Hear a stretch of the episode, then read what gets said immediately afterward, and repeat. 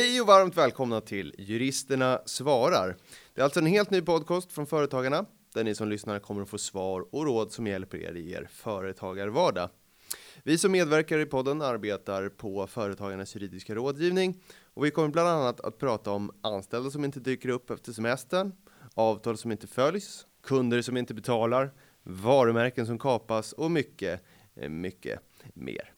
Men framför allt, och det kanske är det viktigaste, så kommer vi dela med oss av våra erfarenheter och tips på hur du undviker sådana situationer och hur du på ett rätt och riktigt sätt hanterar situationen när det väl uppstår. Och har du som eh, lyssnare inte startat ditt företag än och kanske inte upplevt så många av eh, de här problemen som vi nyss nämnde, stäng inte av podden för det, för vi kommer också att prata om juridiska hinder som kan uppstå i uppstartsfasen och hur du tar dig igenom dem. Det behöver inte vara svårt, men det blir lättare om du gör rätt från början. Och vilka är då vi som du lyssnar till? Jo, det ska jag berätta för dig. Ehm, jag heter Hampus Lövstedt och arbetar här som jurist på Företagarna. Jag har gjort det här i, ja, lite drygt fyra år. Jag har en, en juristexamen från Uppsala universitet och eh, arbetar här på Företagarna nu framförallt med då kontraktsrättsliga tvister eh, som uppstår för våra medlemmar och, och har ändå en del förhandlingar och så vidare i domstol. Men något som eh, jag också håller på med mycket och som vi alla gör här på Företagarnas juridiska rådgivning är ju arbetsrätt.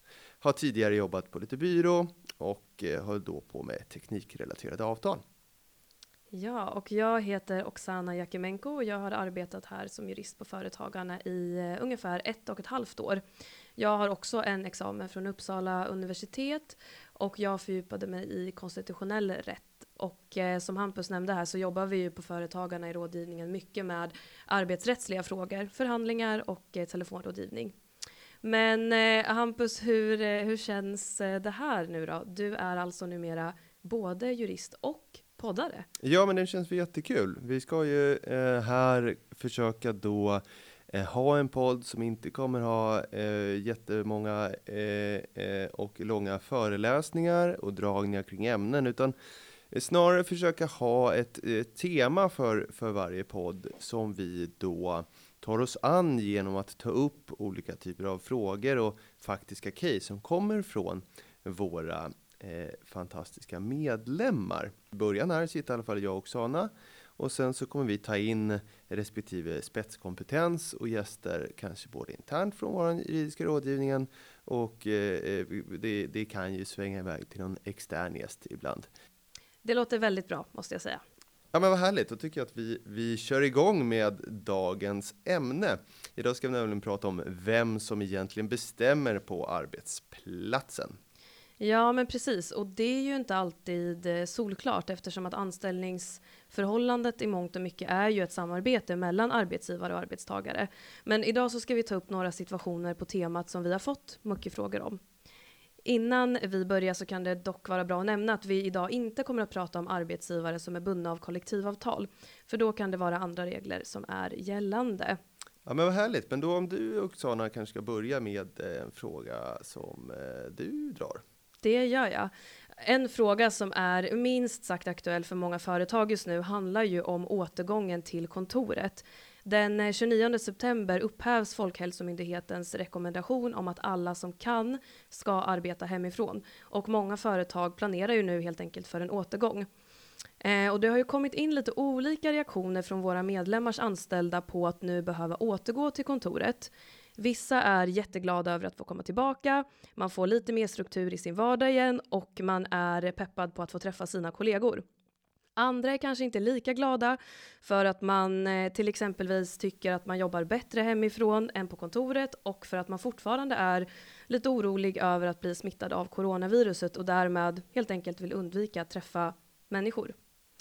Ehm, en annan motivering som, som jag kan slänga in här bara är att jag fick höra från en medlem Um, som inte vill återgå till kontoret då att uh, den här personen hade flyttat under pandemin och bodde nu på en annan ort än där kontoret låg. Mm, mm. Och uh, i anställningsavtalet då så ska ju personen arbeta på, på kontoret. Men nu hade ju han en längre resväg till kontoret än vad han hade när han skrev på sitt anställningsavtal. Och han berättade också här då att uh, den anställda har fått hem kontorsstol och en extra skärm att ha hemma och då förstod den anställde det som att tanken är att han även framöver förväntas att arbeta hemifrån. Och sen har det ju fungerat så pass bra att jobba hemifrån så att eh, arbetsgivaren kan ju rimligen inte tvinga honom att komma tillbaka till kontoret. Och då är ju frågan här, kan arbetsgivaren kräva att de anställda ska gå tillbaka till kontoret efter, ja, drygt ett och ett halvt års hemarbete? Mm. Och svaret på den frågan är ju att det beror på. Och vad beror Nej. det då på? Exakt så är Ja, det. mm. Och vad beror det då på? Jo, bland annat vad som står i anställningsavtalet. Står det att den anställdes arbetsplats är hemifrån, ja, då är det det som är huvudregeln och kontoret är ett undantag. Står det däremot att arbetsplatsen är kontoret, ja, då är det kontoret som är huvudregeln och hemarbete ett undantag. Till exempelvis ett undantag nu då som man har tillämpat under pandemin. Så har parterna avtalat om att kontoret är den primära arbetsplatsen så kan den anställde inte ensidigt ändra ett sådant avtal. Och det gäller ju även om man har flyttat längre bort från arbetsplatsen och även om man har fått hem kontorsutrustning. Ehm, arbetsgivaren har ju också den här så kallade arbetsledningsrätten. Och arbetsledningsrätten den har vuxit fram genom praxis och innebär att arbetsgivaren har rätt att leda och fördela arbetet. Och till exempel då i det här fallet så innebär arbetsledningsrätten att arbetsgivaren också kan besluta om, hur och när återgången till kontoret ska ske. Och då är man som anställd helt enkelt eh, skyldig att följa arbetsgivarens beslut. Så om jag bara förstår det rätt här så är det ändå som så att, att den här frågan kring om man ska återgå eh, till kontoret eller inte utgår då ifrån att vad man har avtalat mellan parterna eh, och då även med en liten touch av den här arbetsledningsrätten att arbetsgivaren ändå leder och fördelar arbetet. Precis så, precis så är det. Och här kan man ju också lägga till att vid eh, sidan av det som står i anställningsavtalet och vad, vilka möjligheter man har genom arbetsledningsrätten så behöver man ju även som arbetsgivare beakta att man har ett arbetsmiljöansvar. Mm. Och det blir ju särskilt aktuellt när man pratar om återgång till kontor eh, i den här situationen. Och vi har ju fortfarande, vi har haft och vi har fortfarande en eh, pandemisituation. Så att den här återgången kan betraktas som en förändring som behöver riskbedömas utifrån arbetsmiljöperspektivet. Så att här måste arbetsgivaren tänka på att vidta alla nödvändiga åtgärder för att säkerställa då att de anställda inte ska drabbas Mm. av olycksfall eller sjukdom. Och när det gäller just virussmitta då så kan arbetsgivaren till exempel behöva se till att de anställda vid återgången till kontoret kan hålla avstånd till varandra, hålla god handhygien, möjlighet att stanna hemma vid symptom och så vidare. Så att med det sagt, alltså återgången till kontoret ska inte vara någonting spontant, utan arbetsgivaren behöver ju planera inför det och utvärdera då möjliga risker och eh, konsekvenser av återgången. Så att ja, hur ska man organisera arbetet när alla är tillbaka och i vilken takt kan och bör den här återgången ske för att man ska kunna bibehålla en god arbetsmiljö? Mm, mm. Lite hur då, så att säga. Ja, men lite hur och Mm. framförallt att, eh, att man också informerar de anställda att man, man är medveten om att pandemin fortfarande pågår och vilka åtgärder man som arbetsgivare har vidtagit för att minimera då smittorisken. Ja, men lite följdfråga på det då. Alltså, vad händer då om, om en anställd vägrar att gå tillbaks till kontoret? Ja, men hamnar man i en sån här situation som arbetsgivare så är det ju förstås lämpligt att man i första hand för dialog med den anställde och pratar om att vad är det som gör att han eller hon inte vill återgå. Eh, det är ju förstås lämpligt att man som arbetsgivare också lyssnar på den anställde, att man försöker förstå och ta hänsyn till den anställdes önskemål. Och ofta så kan man hitta en lösning som gör att, ja, som gör att båda parter känner sig nöjda och glada. Men är det så att man som arbetsgivare bedömer att det går inte att tillmötesgå de här önskemålen eller kraven som den anställda har, ja, då är det det som anges i anställningsavtalet som gäller. Eh, och så att kommer man inte överens så är utgångspunkten att man som anställd förväntas stå till arbetsgivarens förfogande, det vill säga man förväntas infinna sig på den avtalade arbetsplatsen under de timmar som anges i anställningsavtalet. Och gör man inte det som anställd så kan det betraktas som ogiltig frånvaro och arbetsvägran. Så att om den anställde inte följer sitt anställningsavtal och fortsätter att på ogiltiga grunder frånvara från arbetsplatsen så skulle det eventuellt längre fram kunna leda då till en uppsägning på grund av personliga skäl. Ja, spännande, spännande. Eh, ja, nej, det kan ju till och med vara så att vi kommer komma in på det här med och lite frånvaro lite, och, och lite mer här under följande frågor. Nej, men jag har fått en fråga som lyder så här. Jag driver ett litet företag som håller på med produktion och eh, lagerhållning logistik av deras egna produkter. Och nu så, så, så, så, vill jag att en av arbetstagarna som jobbar på produktion med lite lagerhållning och logistik ska ta mer lager och logistikarbetsuppgifter. Kan jag beordra detta? Ja, då kommer vi in på det här med arbetsledningsrätten igen, Oksana, som du pratade om och vad den är. Och i korthet kan man ju komma tillbaks till den här härliga uttrycket arbetsgivaren leder och fördelar arbetet. Eh, I den så finns en omplaceringsrätt kan man prata om. Ehm, och då till, till skillnad kanske från en omplaceringsskyldighet som man kan komma in på när man pratar om uppsägningar på grund av arbetsbrist och viss, eh, vissa fall också uppsägningar på personliga skäl.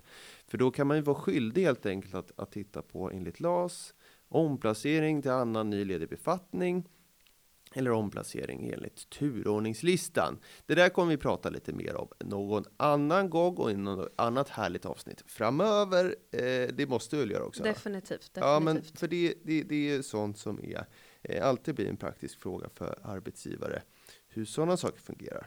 Men här pratar vi snarare om en omplaceringsrätt, det vill säga jaha, kan den här eh, företagaren som, som jag nu har pratat med, kan han peka med hela handen och säga att hallå där, imorgon så blir det eh, framförallt lageruppgifter eller från och med imorgon ska du i alla fall ha mer lageruppgifter än produktion eh, jämfört med vad du hade förut då. Kan man göra så? Och svaret eh, blir lite så här. Eh, jaha, eh, omfattas det av arbetsledningsrätten och är det omfattas det av den här omplaceringsrätten i arbetsledningsrätten. Motsatsfrågan blir ju då så här. När det inte gör det, vad händer då?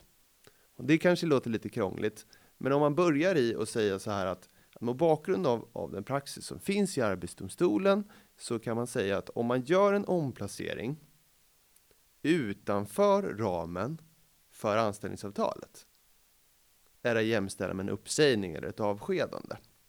Och utanför ramen för anställningsavtalet, vad menar du med det? Då menar jag vad står i anställningsavtalet och vad kan vi läsa in genom kanske partspraxis? Vad är den här tjänsten för någonting?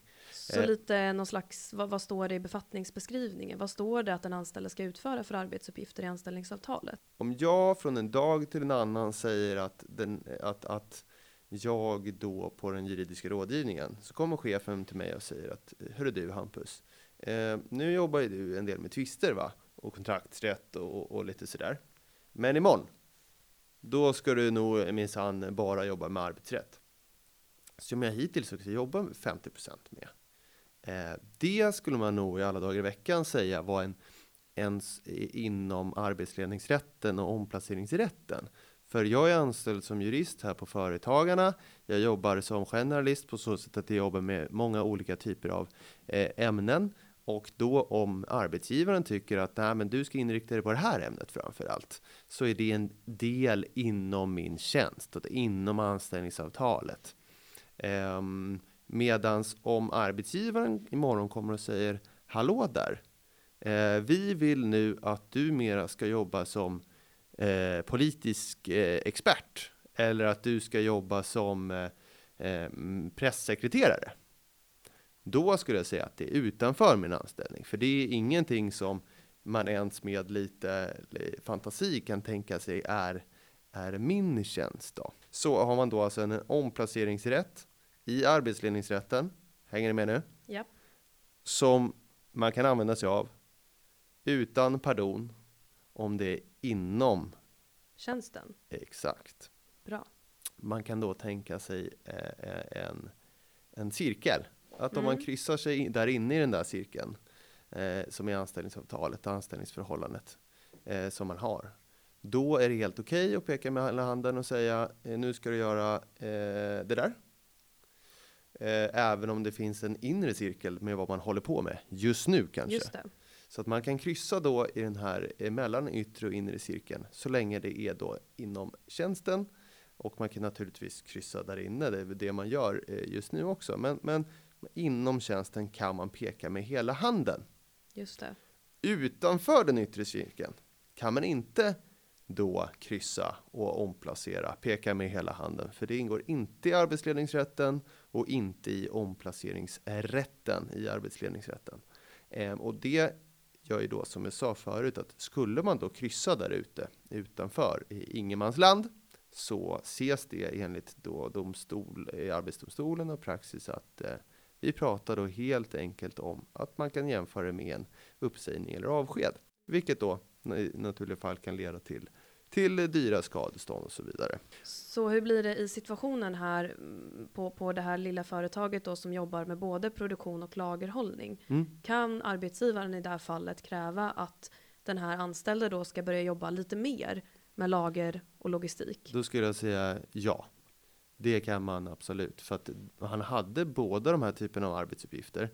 Och eh, om vi ska hjälpa oss själv på traven, lite som vi gjorde på förra, förra frågan, så säger vi att det står i anställningsavtalet att man är anställd som produktion och lageranställd. Just det.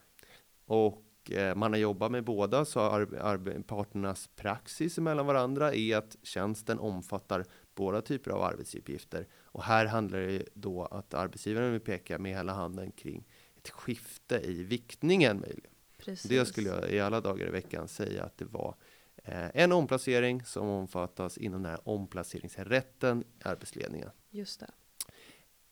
Litet medskick innan jag eh, tycker att vi hoppar vidare till nästa fråga. Det är väl kanske att eh, jag någonstans tycker att det, när det är eh, gränsdragningar mellan om vi tror att det här är en sån omplacering som vi får göra innanför eller utanför så eh, kan man alltid tänka sig att man säger att det är en utanför.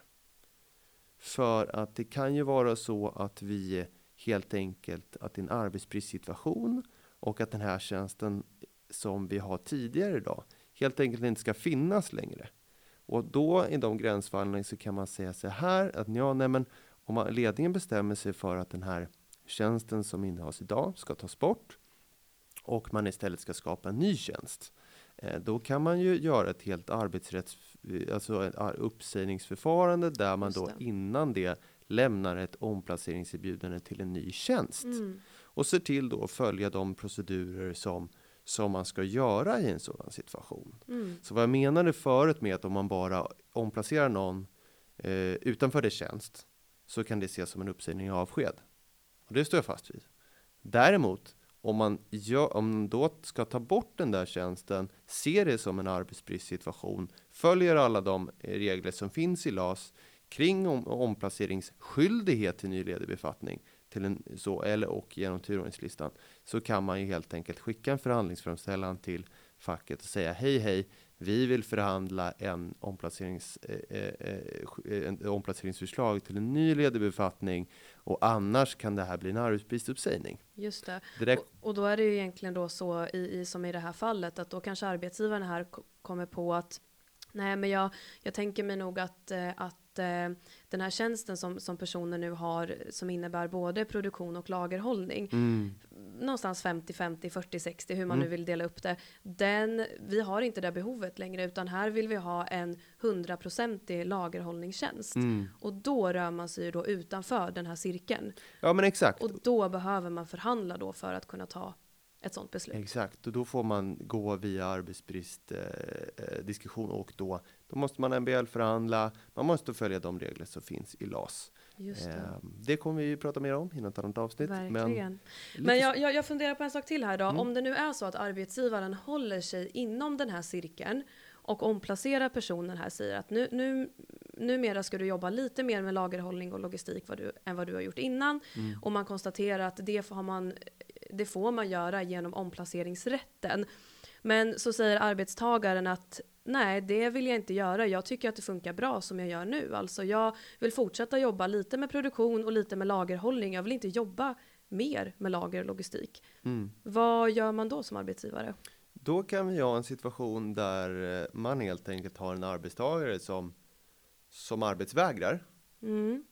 Och på andra sidan av myntet av en omplaceringsrätt i arbetsledningen, vad har man då? Jo, en omplaceringsskyldighet som man är, rätt att, har, är skyldig att tåla då som arbetstagare, så länge det är inom tjänsten.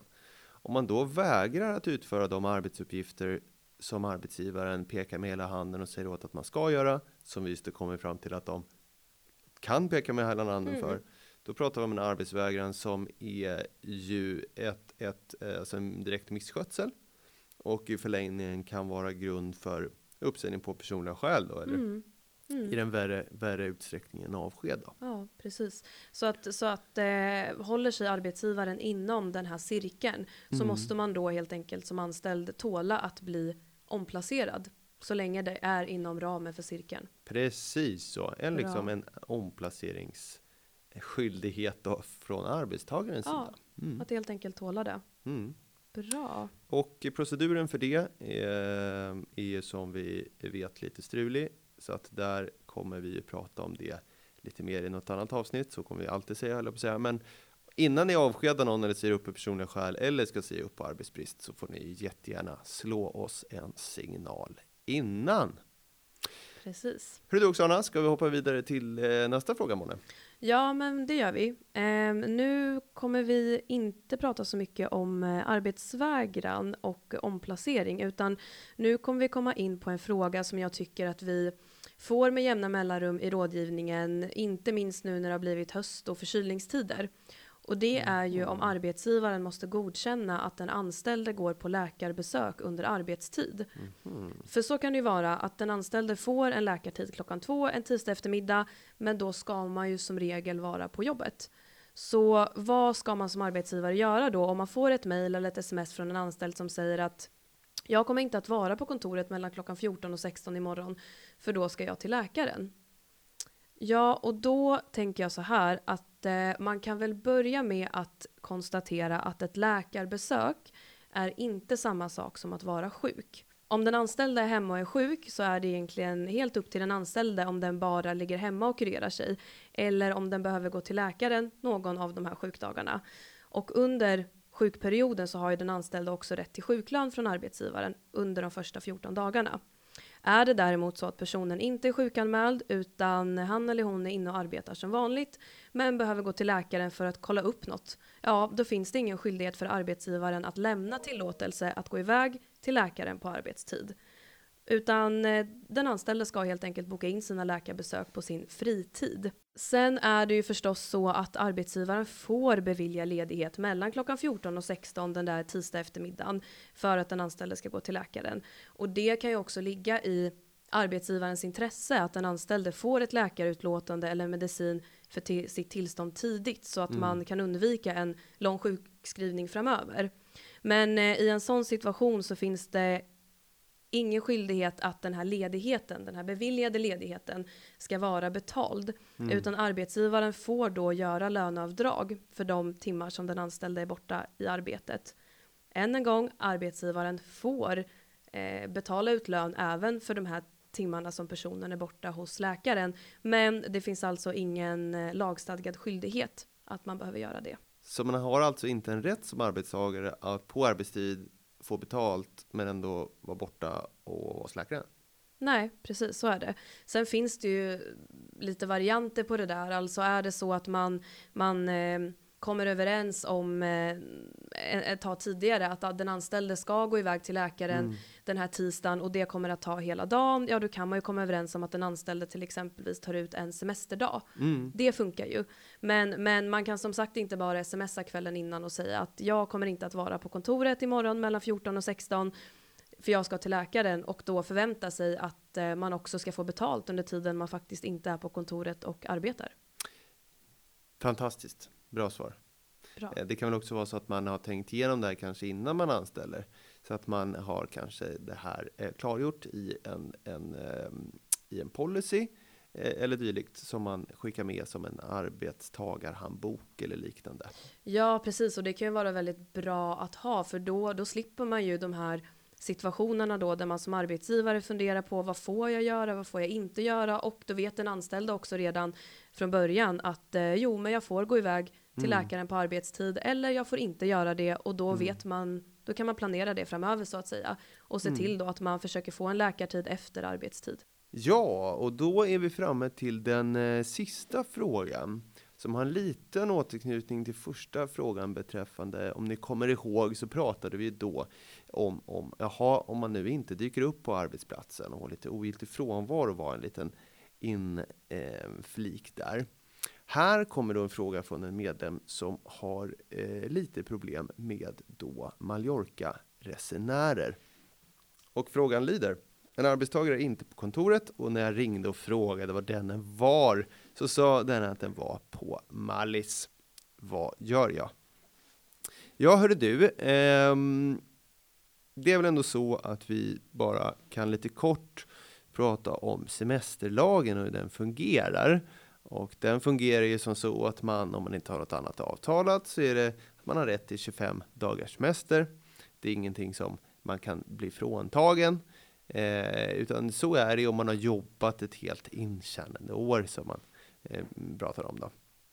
De där 25 dagarna ska arbetsgivaren försöka lägga ut eh, på framförallt då juni, juli, augusti har vi en stark eh, tradition om i Sverige. Men det är till och med så att det står rakt upp och ner i semesterlagen att, att man ska lägga ut fyra veckor eh, under de här månaderna om det inte kommer överens om något annat med arbetstagaren. Och det är väl lite här vi kommer in på lite skillnad gentemot de andra frågorna vi har haft här idag. För att i semesterlagen så har man lagt in en viss möjlighet till samråd med, med arbetstagaren. Det är alltså så att det är arbetstagaren som, som ansöker om semester. Det är arbetsgivaren som, som förlägger och, beviljar semestern. Men det där ska ske i samråd med, med, eh, med arbetstagaren. Eh, det där samrådet kan ju dock helt enkelt, det är ju samråd så, som vilket som annat på så sätt att det är arbetsgivaren som har sista ordet.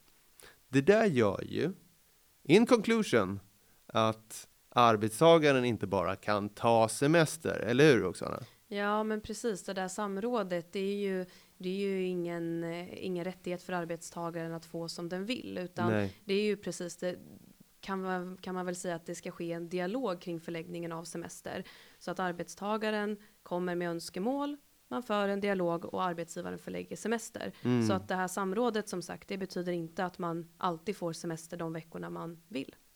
Nej men precis, och så som frågan är ställd så vet vi ju inte riktigt och det har vi ju alltid möjlighet till att ställa motfrågor och så vidare i, i de samtalen som vi har med våra medlemmar.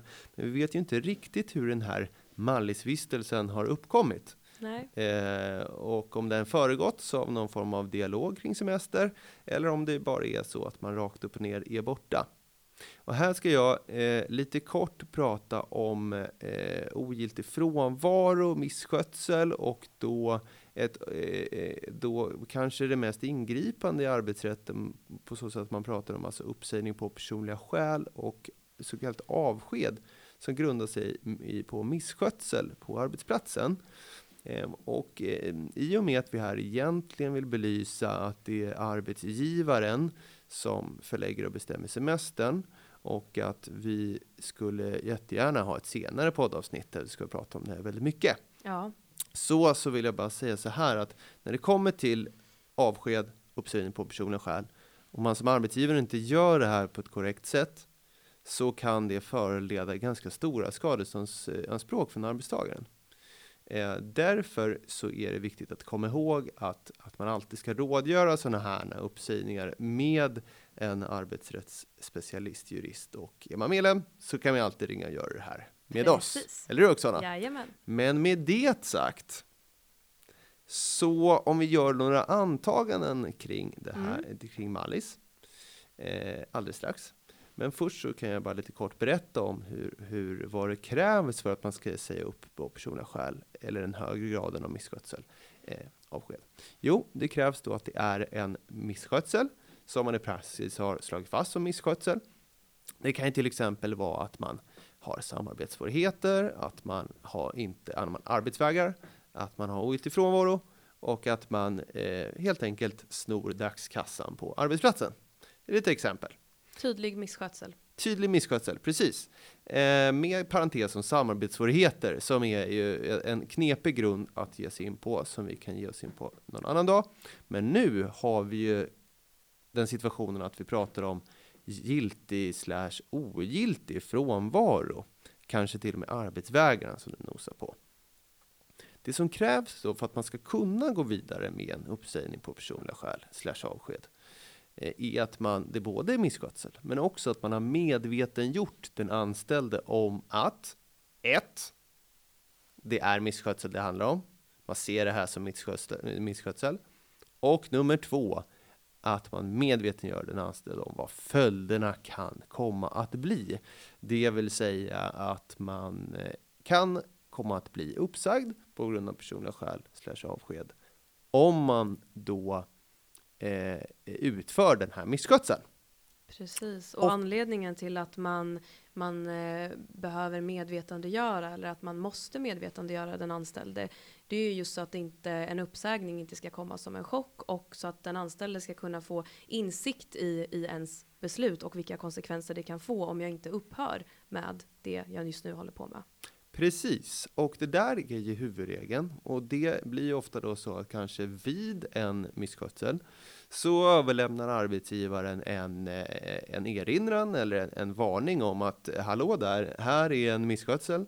Eh, det kan leda till det här och eh, om du då inte, om du upprepar det här så att säga, så brukar det ske. Eh, vanlig missuppfattning och som jag hör ofta från våra medlemmar är att, att, att, att det finns någon eh, vida eh, utbredd eh, tanke kring att three strikes you're out, som i Baseball. Precis så. Att man om man har då fått tre varningar så åker man ut. Det finns inte i svensk arbetsrätt. Eh, utan det handlar ju då om de här, återigen, hoppa tillbaks till de två rekvisiten, misskötsel och man har blivit medvetengjord av arbetsgivaren. Det är alltså huvudregeln. Men vid grov misskötsel så har Arbetsdomstolen slagit fast att vid vissa situationer, viss misskötsel, så är misskötseln så pass uppenbar att arbetsgivaren inte ska behöva medvetengöra innan man kan gå vidare med en uppsägning på personliga skäl slash avsked. Det har då i, i rättsfall eh, till exempel varit att, då, att man utförde en brottslig handling gentemot eh, eh, arbetsgivaren. Man har då, om man har helt enkelt har snott eh, dagskassan, så eh, faller det kanske på sin egen orimlighet om arbetsgivaren skulle behöva då först lämna en erinran och vänta på att arbetstagaren sen ska sno en dagskassa till. Det finns ett annat rättsfall på att eh, man har helt enkelt eh, fuskat med ett, ett dataprogram så att det ser ut som man har arbetat mycket, mycket mer än vad man har gjort. Eh, då behövde inte heller arbetsgivaren eh, medvetengöra den anställde innan man verkställde den här uppsägningsavskedet. Så tillbaka till situationen med Mallis. Just det. Och vi kommer ihåg de här tre sakerna kan vi säga. Det ena att det är arbetsgivaren som har det sista ordet kring att förlägga semester. Så länge vi är överens. Ja. Så kommer vi också ihåg de här två rekvisiten i uppsägning på personliga skäl avsked, det vill säga det måste vara misskötsel, men det måste också ha medveten gjorts. Om det inte är det här undantaget kring att i vissa typer av misskötsel så är de så uppenbar misskötsel att man inte behöver medvetandegöra. Och så lägger vi till ett tredje rekvisit. Det krävs nämligen för att det ska vara saklig grund för uppsägning att arbetsgivaren ska utreda om det går att undvika uppsägningen genom att omplacera personen om det är skäligt. Lagstiftningen säger uttryckligen nämligen att en uppsägning inte är sakligt grundad om det är skäligt att kräva att arbetsgivaren bereder arbetstagaren annat arbete hos sig. Den här eh, omplaceringsskyldigheten och skäligheten därtill då, det gäller faktiskt även vid uppsägning på personliga skäl, men i regel inte vid grövre misskötsel. Eh, även om det här naturligtvis blir intressant här vid det här Mallisfallet så, så kommer vi här även, eller framförallt då titta på medvetengörande och misskötsel så sätter vi en liten pin i den här omplaceringsskyldigheten och tar det vid ett senare avsnitt. Men det ska man ha med sig. Om vi ska då eh, tänka oss att den här Malle-situationen är sån att man helt enkelt bara har dragit. Det har, det har inte varit någon samråd med arbetsgivaren. Man har inte diskuterat om semester överhuvudtaget.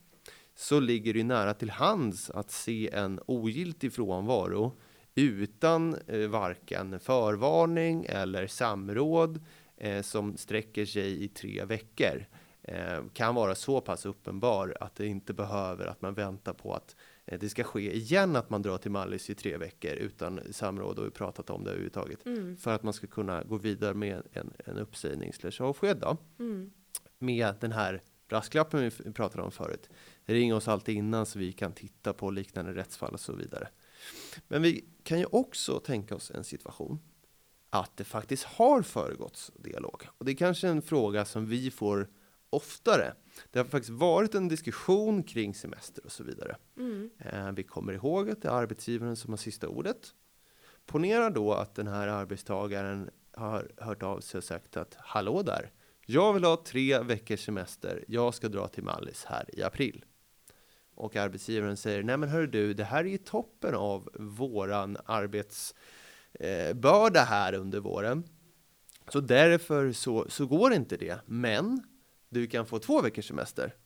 Och du, får skjuta, du kan skjuta lite på de här mellan datumen och så där. Och så säger arbetstagaren, ja nej men okej, då tar jag de där första två veckorna, absolut, men jag kommer dra på den tredje semesterveckan. Och så var det med så. Och arbetsgivaren håller i hatten. Gör jag nu. När jag förklarar att de ett medveten gör om misskötsel, att vi kommer se det här som ogiltig frånvaro. Och två medvetengör om att det här är en sån misskötsel som kan leda till konsekvenserna uppsägning på personliga skäl slash avsked. Precis. Då har man ju medvetengjort. Man behöver inte gå in i den här lite jobbiga juridiska distinktionen kring är det uppenbart uh, misskötsel som att vi ska kringgå huvudregeln kring medvetengörande utan man har verkligen så här understrykt att sker det här så är det misskötsel och eh, det här kan vara konsekvensen. Mm. Ehm, eh, Den, den eh, känns ju då inte lika risky som den första, men ånyo hör alltid av er till oss innan så vi kan diskutera det specifika fallet så man inte ådrar sig några stora skadeståndsanspråk för att man har uppsagt upp på personliga skäl eller avskedat utan saklig grund. Men då har jag ändå en fråga här som jag vill ställa. Hur, hur blir det då om det råder lite oklarheter kring förläggningen av den här semestern? Alltså har man fått två veckor, har man fått tre? Det är inte helt uppenbart. Mm, Hur gör mm. man då? Då ligger väl, eh, för att återupprepa ett slitet uttryck, nära till hands att säga att den här arbetstagaren har inte blivit medvetengjord om konsekvenserna. Att man där kanske inte ska gå vidare med, med, med en process om uppsägning. Eh, tänk att han har skickat iväg och sagt hej, jag vill ha tre veckors semester. Och eh, arbetstagaren säger, äh, förlåt, arbetsgivaren säger att ja, två veckor kan du få.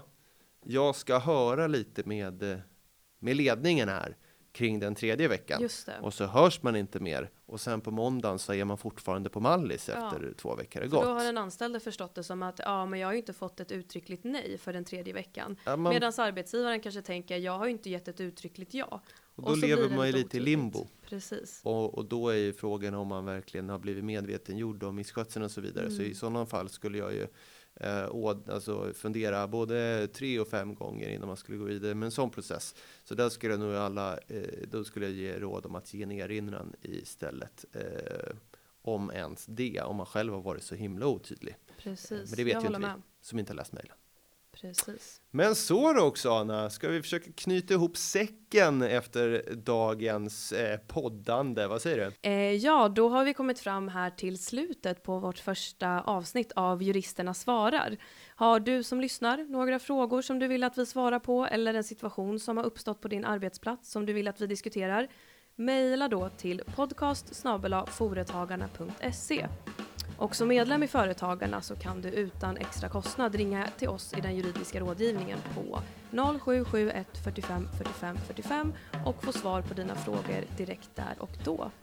Det var allt för oss den här veckan. Klippningen av podden är gjord av Petra Thieu och underlaget av David Hagen.